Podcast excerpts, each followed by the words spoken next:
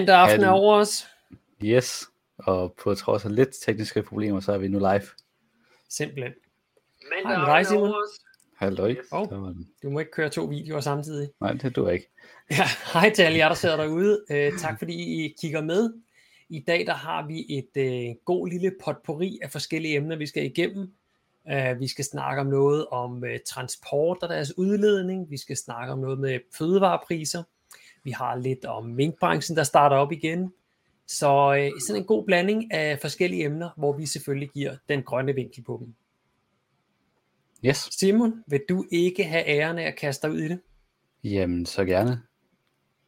Så øhm, det, vores første emne, det er udlægning af transportmidler, og det kommer, jeg har let med lys og lygter efter at finde en eller anden øh, god oversigt slash kilde øh, på udledning fra forskellige transportmidler. Øh, fordi der var nogen, der spurgte med hensyn til Bornholmerfærgen og indrigsfly til Bornholm specifikt. Det er rigtigt, ja. Det havde vi for, jeg kan ikke huske, om det var sidste gang eller sidste gang igen. Ja, jeg tror det er sidste gang igen. Men i hvert fald så, øhm, det er noget dansk industri var ude at sige til omkring folkemødet, at øh, det var lige så, det var bedre for, faktisk bedre for klimaet at flyve. Og jeg har også hørt en fra Concito sige det før. Så Mhm. mm-hmm.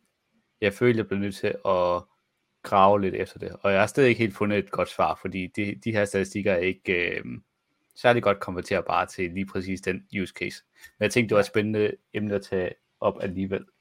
Helt sikkert. Altså argumentet der, det er altså, når man skal til folkemøde som politiker, eller hvem, hvem man nu er, men i, i hvert fald politikere, og skal over og snakke klima, øh, kan man så tillade sig at flyve over til Bornholm, eller skal man tage færgen? Og det er så der, hvor nogen siger, at det der med at køre først hele vejen over Sverige, og så tage den her, øh, hvad hedder den? Det hedder ikke en hyperfærge. Hurtigfærge, lige præcis.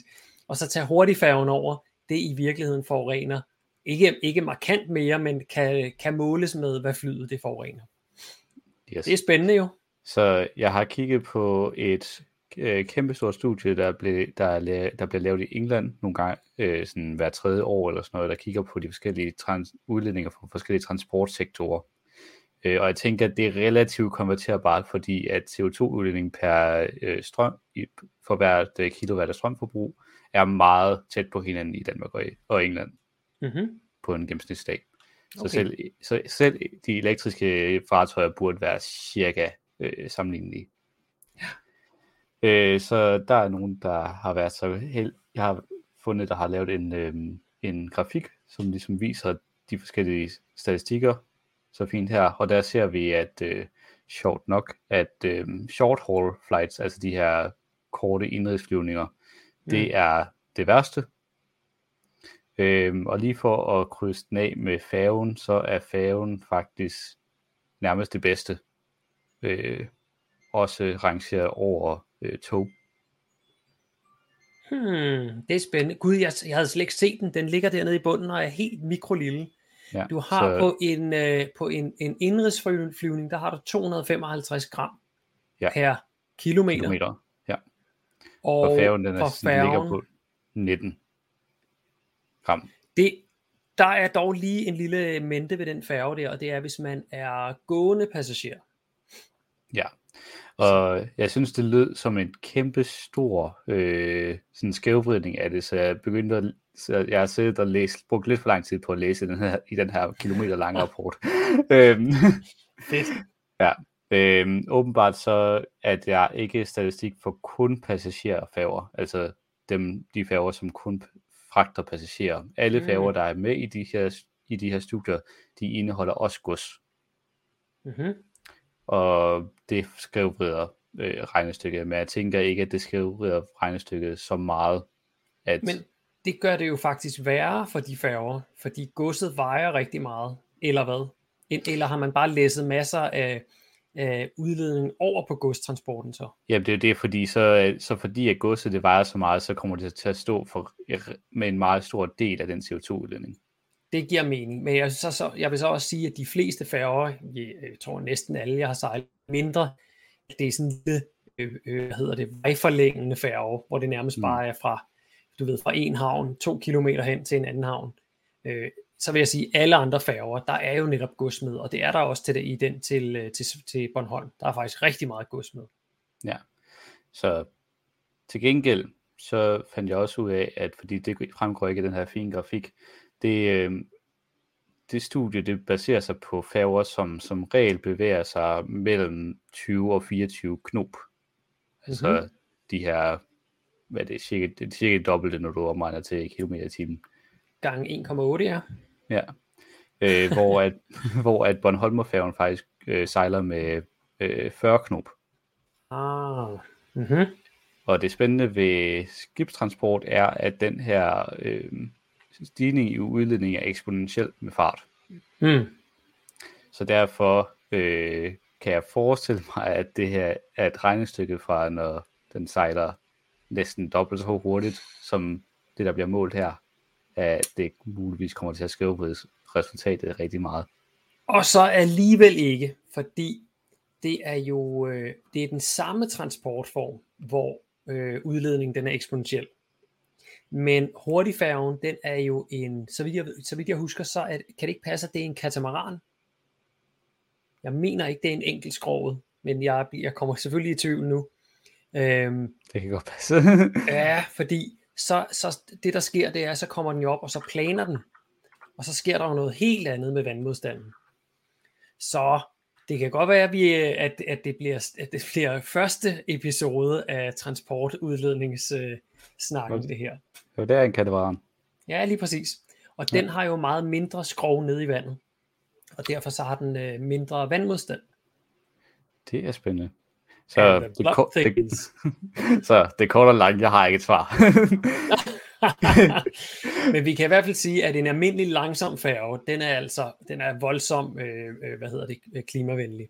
Ja. Og, hvis hvis vi lige skal lave et, hurt, et hurtigt regnestykke, så kunne man mm. jo sige, okay, hvis det er en passager, der udleder 19 gram, og lad os bare sætte en passager til 100 kilo. Det vejer hverken du eller jeg, men lad os bare, lad os bare sige 100 kilo. Og en ja. bil, den vejer 2 ton. Så skal du altså tage det her tal her og gange det med 20, øh, hvis du har en bil med og en passager. Så hedder den jo så lige pludselig, øh, nu skal jeg lige se, så hedder den jo så 400 minus, det kan 380 gram per passagerkilometer hvis det alene er vægten, der tæller her. Og så, så ligger den altså over flyvemaskinen. Ja. Hmm. Hmm. Så enten skal man tage toget over til Ystad, gå ombord på færgen, og så få en eller anden transportform, når man kommer over til folkemødet, eller også så skal man flyve over. Man skal ikke tage bilen derover. Nej, bemindre at øh, du så er fylder bilen Ah, hvis man fordi, har fire i bilen. Fordi det var også en rigtig spændende ting, jeg læste i det her. Det er, at der skal, du skal faktisk ikke have ret meget mere end tre passagerer ja. i en bil. Altså, eller du skal have mere end to passagerer i en bil, før mm. at den bliver bedre end busser. Yes. Hvilket det er, jo interessant. Rigtig, det er interessant. Øh, specielt fordi, at øh, der er rigtig mange alternativer, der har jo talt meget omkring det her øh, delebils, delebilsordning. Ja. Og det begynder jo lige pludselig at give rigtig meget mening, hvis det er, at øh, der, er, der er så meget vind i det. Ja, fordi du, hvis du, altså en bil, kon, nej, en person koster to personer. Det er jo næsten en halvering. Altså mm. selvfølgelig, bilen udleder en lille smule mere, fordi der sidder en person ekstra. Ja. Men, men det, he, det helt store arbejde for bilen, det er jo vindmodstanden. Det er ikke så meget vægten. Ja, så, så det er, det er en, gennemsnit, en gennemsnitlig bil i det her studie var 1, næsten 5 tons. Ja. Så to, to passagerer i, så har du næsten halveret dit, uh, din CO2-udledning. Ja. Mm. Så forbud mod en, uh, en, pas, en passager i hver bil fra nu af. og det er rigtig spændende, det, fordi, altså det, det, det er super spændende, fordi jeg stod, jeg havde lige muligheden for at stå lidt uh, og kigge ud over uh, jeg var i Korsør her i sidste uge, og mm-hmm. der havde jeg lige mulighed for at stå og kigge ud på motorvejen fra, når der ja. bilerne de kommer, øh, kommer kørende øh, over Storebæltsbroen. Mm-hmm. Og der er altså næsten alle biler er jo en persons biler, der kører afsted. Ja, ja. Så det er, det, det er voldsomt. Det må vi få gjort noget ved. Nå, jeg synes, vi skal gå videre til øh, næste emne, når vi ikke har en endelig konklusion her. Jeg glæder ja. mig til, at vi har den, for det, det er faktisk ret spændende. Men der er, der er virkelig mange parametre at, at gøre godt med her. Lige, lige en sidste ting, inden vi går videre på den her, så synes jeg, det er, mm. rigtig, så det er ret interessant det der med, hvor, hvor øh, stor forskel øh, elektriske biler slash busser og sådan noget øh, gør, mm. gør i regnestykket.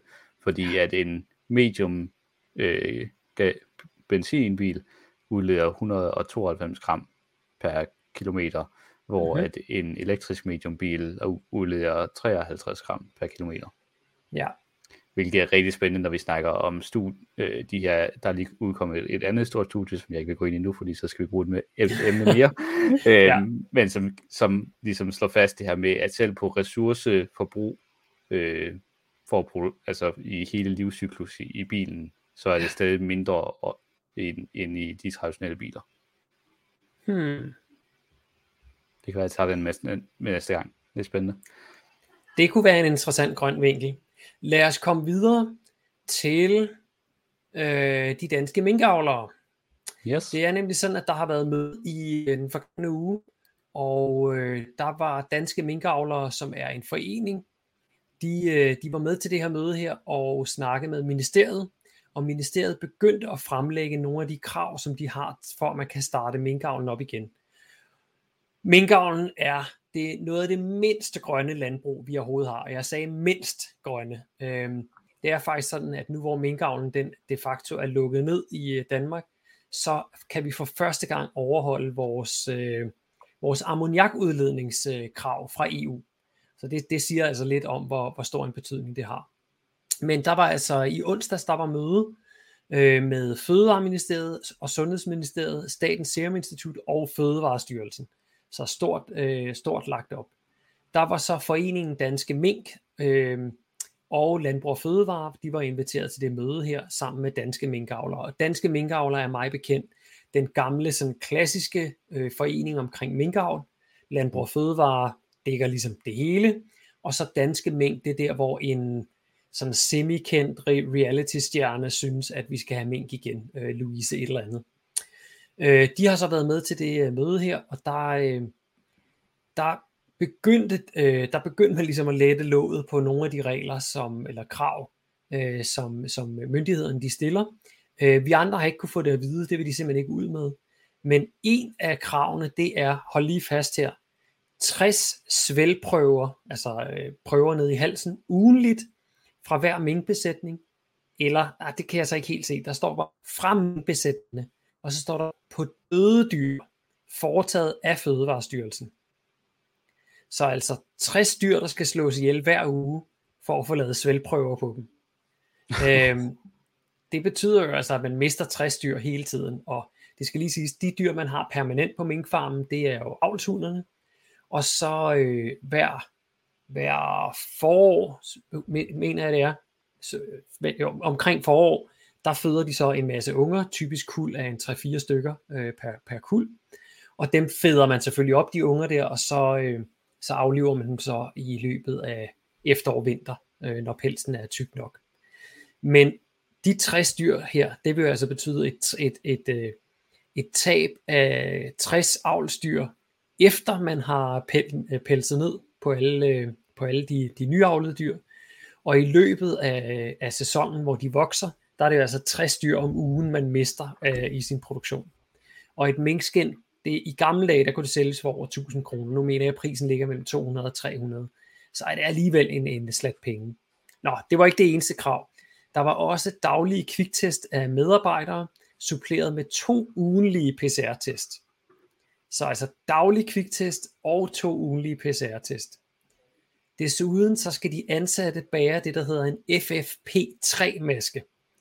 Og øh, jeg har ikke lige fået undersøgt, hvad det er, men der findes jo forskellige klassementer af masker, og jeg mener, ja. en FFP3-maske, det er sådan en, øh, en full face, øh, det der, det er FF'et. Så en, ja. øh, en full face maske, øh, som er fuldstændig tæt, og hvor man trækker vejret ud gennem slangen med et filter på. Der er en regel med de masker her, det er, at man kun må bruge dem tre timer dagligt.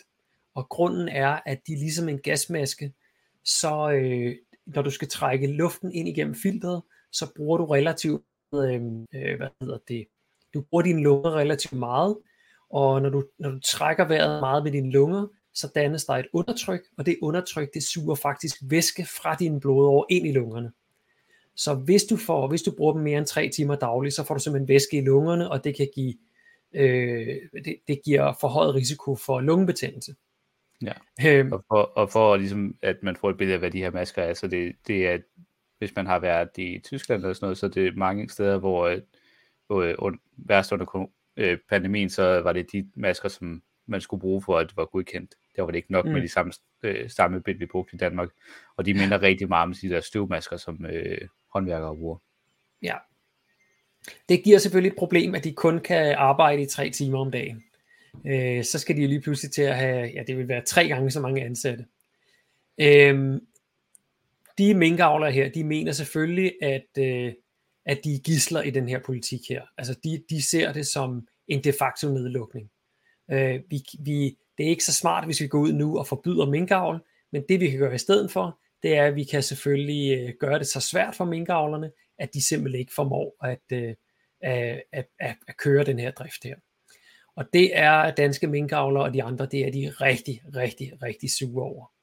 Øhm, men der er selvfølgelig en, øh, en løbende dialog mellem parterne, sådan så de, sådan så de kan blive enige om et eller andet niveau, de skal ligge på. Men vi kan i hvert fald sige, udspillet fra, fra regeringen eller fra ministerierne, det har været, I skal ikke have minkavl. Og det, det også... synes jeg faktisk er fint.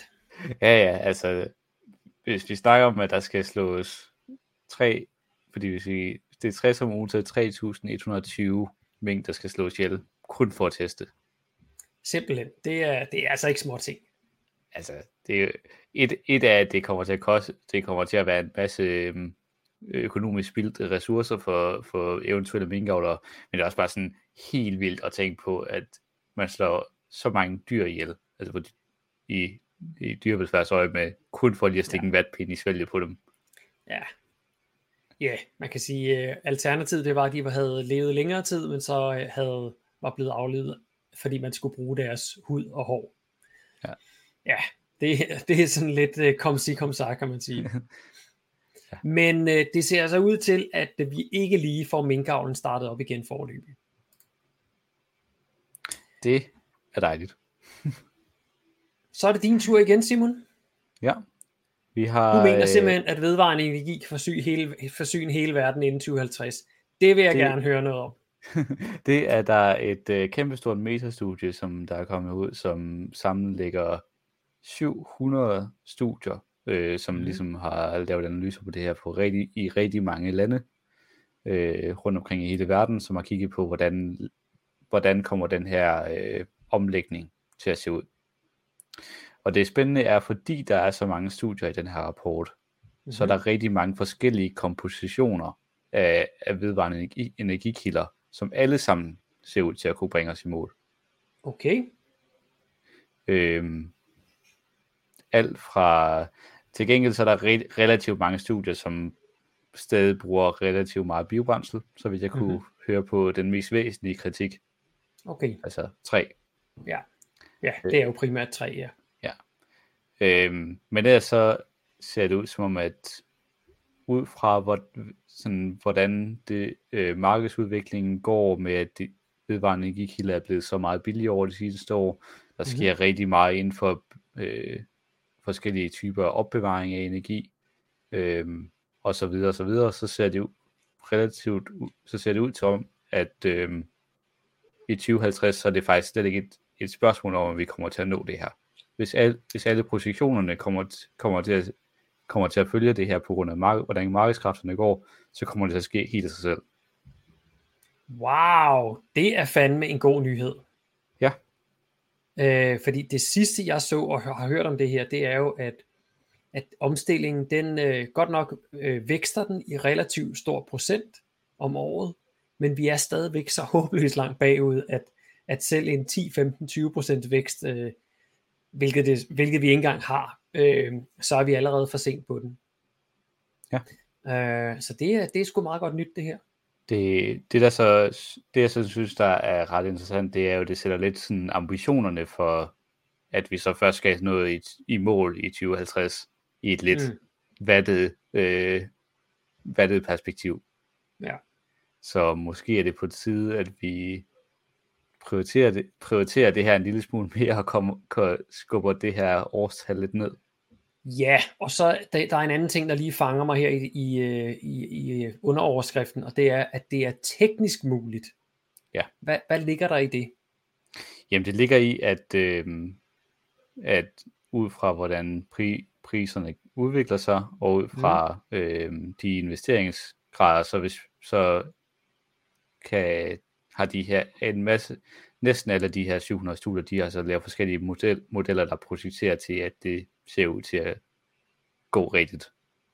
Okay. Ja, jeg har, jeg har skimmet, jeg har skimmet igennem studiet, der ligger til baggrund for den her, for den her øh, artikel i videnskab. Ja. Øhm, og der er nogle af studierne, som ser på, at det øh, muligvis kun nemt kan lade sig give sig at nå til 80%. Men de, langt de fleste, de ser en relativt nem vej til, til 100% vedvarende energi. Okay. Og det er, spæ- og det er hmm. spændende, fordi at det ikke engang inkluderer øh, øh, atomkraft. Fordi den, ja. i, i, i de her former for modeller bliver set som en fossil brændsel. Hmm. Altså, Så, øh, ja, ja. Det, det strider jo lidt med, øh, med, med sådan den, den, øh, den hverdagssnak, vi har, ikke? Men man kan selvfølgelig også sige, at 2050, øh, der er, så kan jeg lige regne hurtigt her, der er stadigvæk 28 år endnu. Ja. Øh, og man, man snakker jo altså om, at de, de slemme øh, klimaproblemer, de opstår jo i øh, måske allerede i det her årti. Ja. Så og det er derfor, vi, det er derfor, vi at vi, det er derfor, vi stadig har åndssvagt travlt, og det er derfor, at ja. når vi kigger på sådan klimaambitioner, så vi burde alle sammen gøre, have de samme klimaambitioner, som da vi snakker om Finlands nye klima, klimalov, mm. som siger, at de skal være øh, klimaneutrale i 2035. Så begynder vi at snakke om ambitioner, som faktisk godt kan, kan også kan holde os inden for Paris-aftalen. Ja, så er der noget, der rykker noget. Ja. Hmm. Øh, hvad, hvad gør vi? Jeg, jeg, jeg sidder sådan lidt tilbage med en fornemmelse af den her nyhed som værende noget, der altså, det er sådan en, en Excel-øvelse. Er, er der noget, øh, er der et eller andet konkret, er der noget, vi kan tage til os, os der sidder og, og, og ser det her?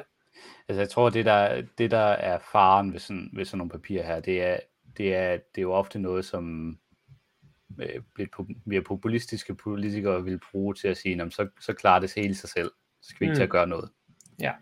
Øhm, og en af farekriterierne, som der ligesom stadig er i det her, det er, at der er ikke særlig meget øh, politisk vilje mod fossile brændsler. Mm. Og det er en af de store farekriterier for, at det her ikke kommer til at ske. Så hvis der fortsat er støtte eller vilje til at udvide fossile brændsler, så kan det her, så kan de øh, målet måske ikke nås. For så ja. bliver det ganske enkelt ikke, så bliver det en ulige øh, så fjerner man den, den favorable kom, konkurrence- og investeringsmulighed i det grønne, i de vedvarende energi, energikilder. Okay, så, så det her, det, det, det, det siger ikke, at hvis vi bare bliver ved, som vi gør nu, så når vi det. Nej. Det siger, at det, det kan lade sig gøre, hvis vi virkelig ja. lægger alt ind. Ja.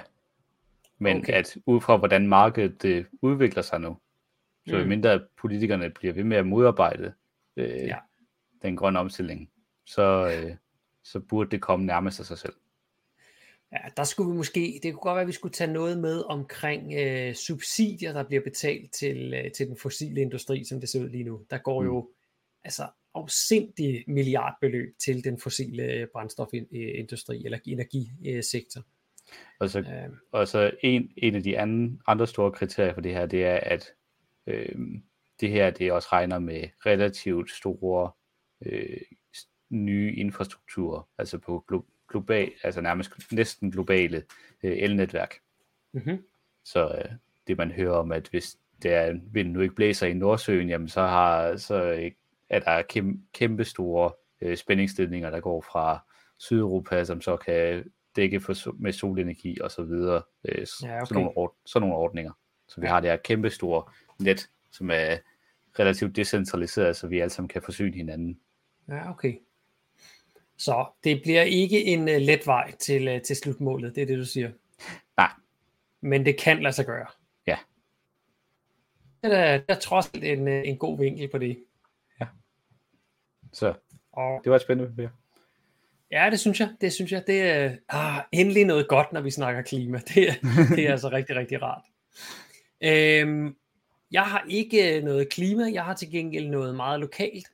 Og øh, jeg ved ikke, om vi kan huske det, men der var øh, for, er det ved at være tre uger siden, der var noget, måske en måned siden, der var noget op omkring øh, halekupering, at det gør man altså stadigvæk på alt, alt, alt, alt, alt for mange grise i øh, Danmark.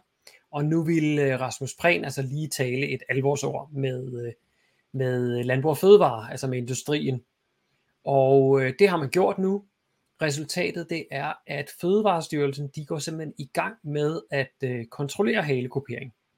Så her til efteråret, så vil de øh, gennemføre en kontrolkampagne, hvor de vil dokumentere halebid, øh, og de vil også dokumentere øh, det, man skal gøre. Øh, ja, vi kan lige gå bagom. Øh, I Danmark er det ulovligt at halekopere. Øh, 98% af alle smågrise, de bliver halekoperet. Så hvordan kan vi have en lov, der siger, at man ikke må, og så faktum, som er, at praktisk taget alle øh, grise, ja. de bliver halekoperet. Ulovligt og rutinemæssigt halekopere. Lige præcis. Og øh, hvis, man, hvis, man, hvis man tænker, lad os øh, drage en sammenligning, man må ikke rutinemæssigt slå børnene i skolen, men 98% af alle børnene de bliver slået. Øh, så vil man jo mene, så er det jo relativt rutinemæssigt. Ikke? Mm. Øh, så man må altså ikke rutinemæssigt halekopere. Det man gerne må, det er, at man, man må gerne søge om en dispensation, hvis der er halebid i ens øh, stald. Ja. Øhm, det gør alle så. Øh, de søger om den her dispensation her og får den. Det er så derfor 98% stadig bliver halekoperet. Og det skal lige siges, halekopering, der må man maksimalt klippe halvdelen af halen af, øh, for at de andre grise så ikke finder den så interessant og bider i den. Når man får den her dispensation, så skal der udarbejdes en risikovurdering. Og risikovurderingen, den skal gå på, jamen, hvad er det, der er, der er skyld? Hvad, hvad er årsagen til, at, øh, at den enkelte landmand er nødt til at halekopere? Og hvad kunne man gøre af andre foranstaltninger? Kunne man ændre på, noget, på fodersammensætning? Kunne man ændre på antallet af vandingsautomater? Øh, forskellige ting og sager. Øh, men i og med det er 98% og har været det ja, lige siden jeg overhovedet interesseret mig for det emne her de sidste 20 år, så viser det jo, at det, det handler ikke lidt om en fodautomat eller en vandingsmaskine, eller hvor meget lys der er, eller sådan noget. Det handler om, at der simpelthen er for lidt plads.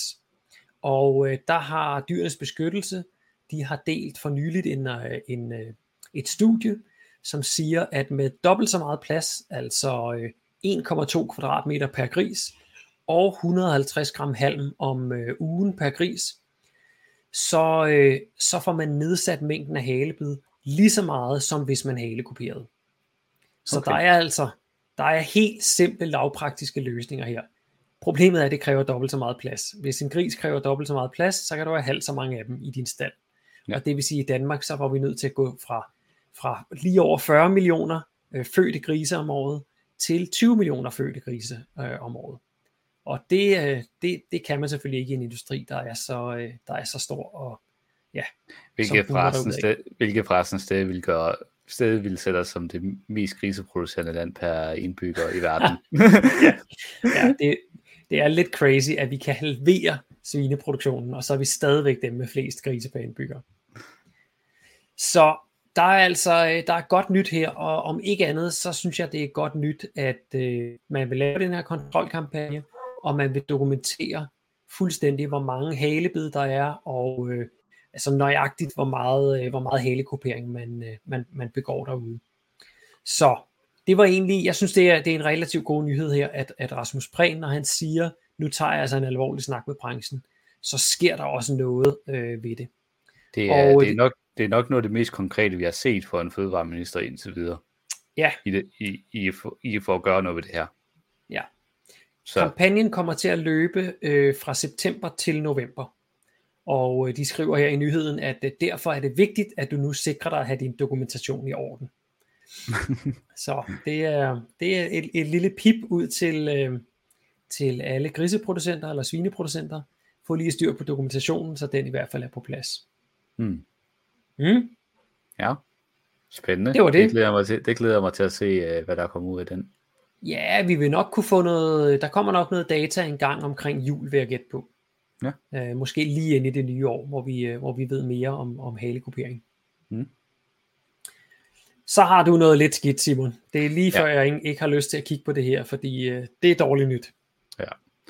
Øh, hvis I ikke har opdaget det, øh, så er det ret varmt øh, de her dage, og vi hører næsten dagligt omkring tørkesituationer i Europa, og Rhinen, der er ved at tørre ud. Mm. Den her store flod i Europa, der øh, skal sikre rigtig meget folks øh, infrastruktur og transport. Ja. Men i de helt tro- tropiske egne i det tørre Afrika, er det endnu, står det endnu værre til. Og ligesom vi har den vores værste tørke i 40 år, så har de også den værste tørke i 40 år. Hmm. Øh, 1 million, det har så drevet 1 million mennesker på flugt i, i Somalia. Så En million mennesker. 1 million Altså, mennesker. Hva, hva, hvis det var i Danmark, så var det hver femte borger i Danmark, der var simpelthen var, var, var nødt til at flygte fra deres hjem. Det er Ja. jo fuldstændig vanvittigt. Og tallene er faktisk også ret øh, rå, hvis du sætter det i den form for øh, kontekst i øh, Somalia, Somalia, fordi det er hver 16. borger i Somalia, som flygter Wow. fra på grund af tørke. Øh, er der noget om, hvor de flygter hen? Det øh, langt største delen har fl- flygter internt i Somalia, så de flygter væk fra de Mhm. mm. områder, de bor, og så flygter ud til kysterne. Okay. Øh, det er omkring 700, øh, lidt over 700.000 af dem. Så, så største af dem flygter ind i Somalia. Men der er også Mm. rigtig mange, som har flygtet til omkringliggende lande i Afrika. Og så bare sådan rent egoistisk, øh, er der nogen af de mennesker her, tror du, som vil, øh, som vil forlade Somalia fuldstændig og flygte til eksempelvis Europa? Altså, det er jo sket før, at, at der har været store flygtningestrømme fra, Mm. øh, fra Somalia, fordi det er så krigshavet, har været så historisk krigshavet et land. Ja. Øhm, så det skulle ikke undre mig. Øh, og, Ja, det, og en af grundene til, at jeg tænkte, at den her artikel var så øh, spændende til med, det er netop fordi den sætter fokus på, hvor hurtigt det kan gå Mm. med kæmpe store menneskemængder, der bliver drevet på flugt på grund af klimaforandringerne. Fordi vi får øhm, de her Øhm. ekstreme vejrfænomener. Der, der er to øh, spørgsmål, jeg sidder tilbage med. Eller nej, e- en ting, jeg vil, jeg vil sige imod det her med, at de flygter længere væk, det er, at, øh, at det her, det er jo ikke en, det er jo ikke, det er jo ikke krig. Altså, det er jo ikke sådan, så hvis de går tilbage, så, så er der nogen, der slår dem ihjel. Mm. Lige nu er der nogle områder, hvor de ikke kan dyrke, øh, hvor, de ikke, hvor de ikke har mulighed for at forsørge sig selv. Øh, når det begynder at regne, når tørken den ophører, så kan jo vende tilbage og, og, og, og begynde at dyrke igen. Så det er Mm. jo, man kan sige, det er, det er mere akut det her. Ja. Øh, og, så så man, man kunne formode, at størstedelen rent faktisk vil vende tilbage, når, når, når situationen har normaliseret sig. Så spørgsmålet Mm. er også om, hvornår det så normaliserer sig for, for grund, Ja. ja. øh, fordi de, i den her artikel, der bliver der også sat fokus på, at grunden til, at der er så mange, der flygter nu, det er fordi, at det her det faktisk er tredje gang i træk, at høsten næsten slår fejl på grund af tørke. Oh shit. Øhm, Okay, så det er derfor, det, at det, så, det, så det er derfor, at så store menneskemængder ganske enkelt ikke kan bo, hvor de bor. ja, og ikke- det taler er jo faktisk for, det taler for det modsatte af det, jeg siger. Ja. Ja. Altså, hvis, øh, hvis en høst er slået fejl tre gange, hvorfor fanden vil du så flytte tilbage fire gange og prøve Ja. en gang til, ikke? Hmm. Det er ikke så godt, det her. Hvad, nu, nu kan man sige, nu er de flygtet fra, fra tørke. Øh, har der været hungersnød dernede? Har der været, øh, har der været øh, forhøjet dødelighed? Øh, ikke lige hvad, at det nævnte artiklen ikke. Øh, Okay. Altså jeg ved, i, de, i, i områderne omkring Somalia, altså sådan noget på grund, blandt andet på grund af borgerkrigen i Etiopien, og så, og, Ja. men også på grund af tørke, så er der relativt øh, høj forekomst af, af, af sult i det Ja. område.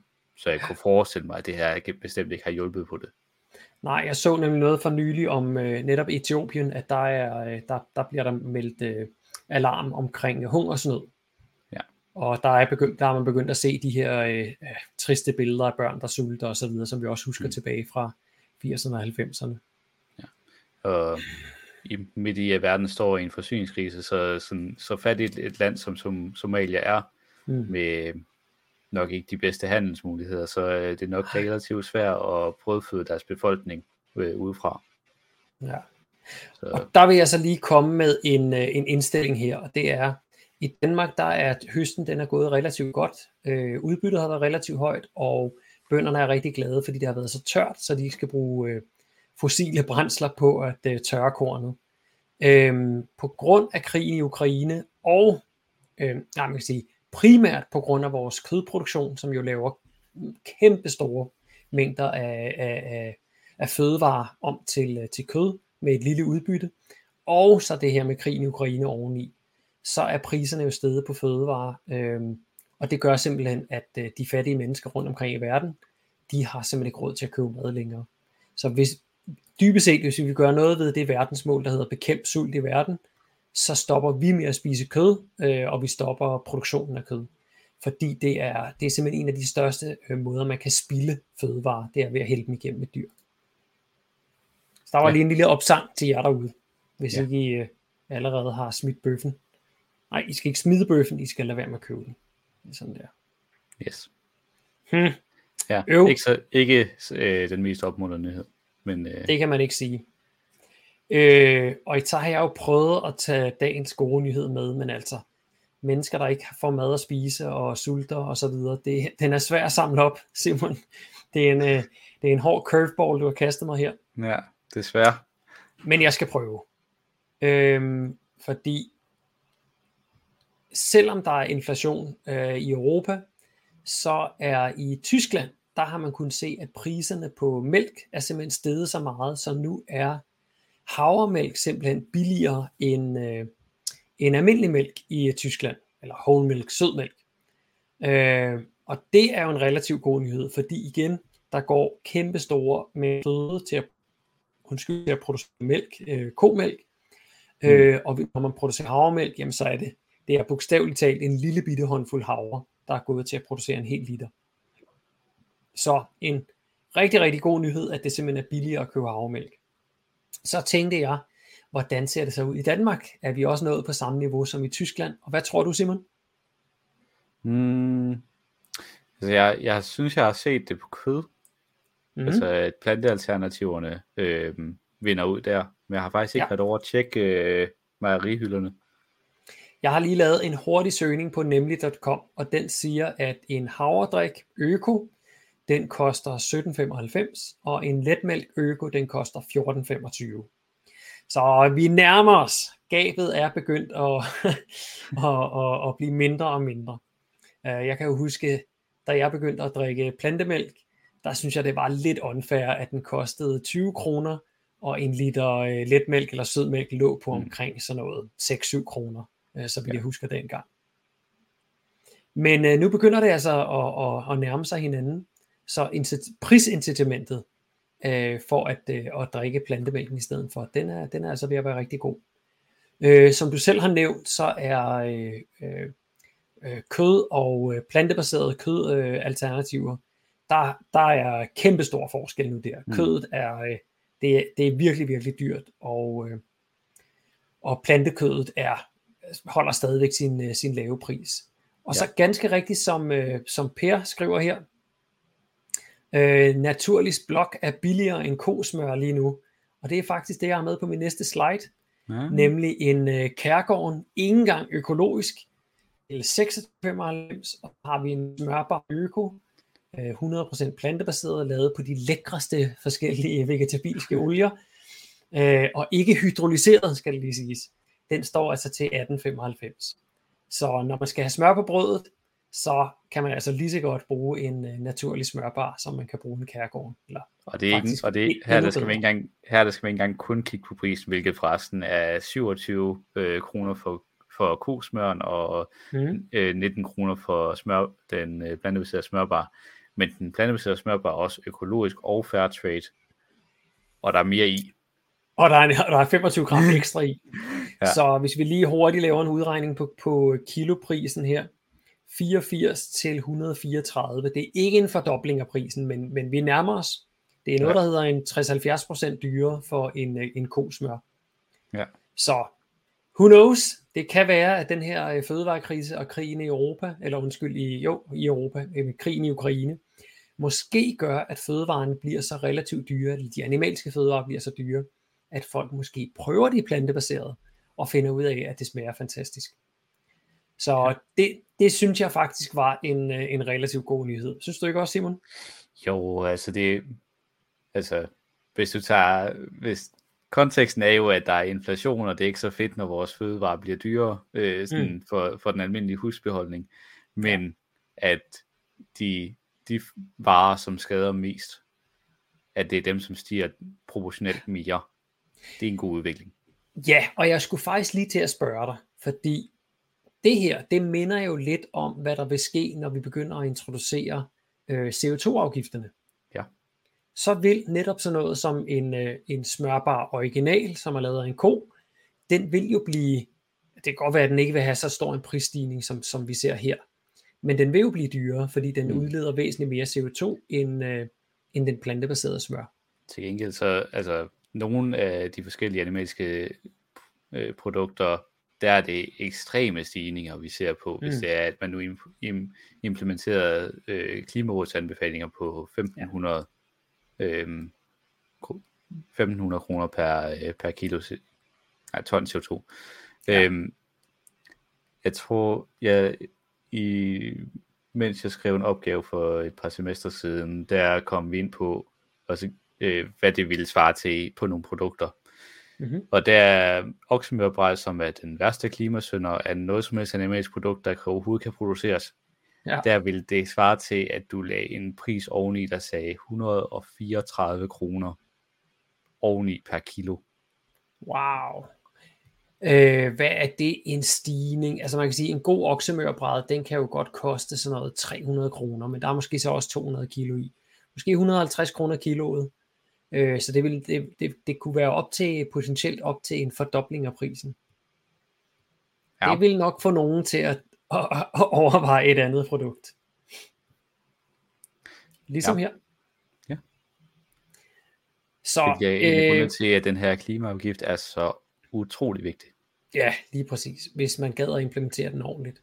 Ja. Øhm, til jer, der kigger med derude, som ikke har prøvet en smørbar fra Naturlig, så gør det lige, fordi den øh, ikke nok med, den, øh, den, den luner på pengepungen, men den smager faktisk helt fantastisk. Alle i min familie, som har smagt den, siger, den er god, og nogen har endda sagt, at den smager faktisk bedre end almindelig smør. Så mm. jeg vil altså jeg vil anbefale en, øh, en test derude. Simon, det var faktisk øh, emnerne for i aften. Ja, det var det. Ja, vi er et kvarter før tid. Det tror jeg er en ny rekord. Det tror jeg også. Ja. Har du en lille bonus med til os, eller øh, har vi været alle emnerne igennem for, for denne gang? Og så skulle jeg have læst mere ind i omkring sådan øh, udtørringen af rig, øh, Rinfloden, eller den der rapport, jeg snakker omkring med hensyn til ressourceforbrug til el, el øh, køretøjer versus yeah. fossile. Men øh, det har jeg ikke brugt tid på at forberede. Den må vi tage en anden gang så. Jamen, øh, til alle jer, der har kigget med derude, tak fordi I har brugt en øh, mandag aften sammen med os. Det har været hyggeligt, og jeg håber også, det har været lærerigt for jer. Øh, som altid, så er vi tilbage igen på næste mandag med en grøn vinkel på øh, ugens nyheder. Og dog, øh, næste, mandag, næste, næste mandag bliver desværre øh, aflyst, fordi at øh, jeg tager afsted til en konference i Polen, så jeg skal ah. sidde lang tid i bus. det er bare i orden. Vi springer næste uge over, men så ja. næste mandag igen, der kan I tune ind her på den grønne vinkel og blive klogere på øh, ugens emner og øh, hvad de betyder for klima og dyrevelfærd og miljø og os mennesker i det hele taget. Mm. Ja, det var det. Kan I have det godt derude? Vi ses. Hej hej.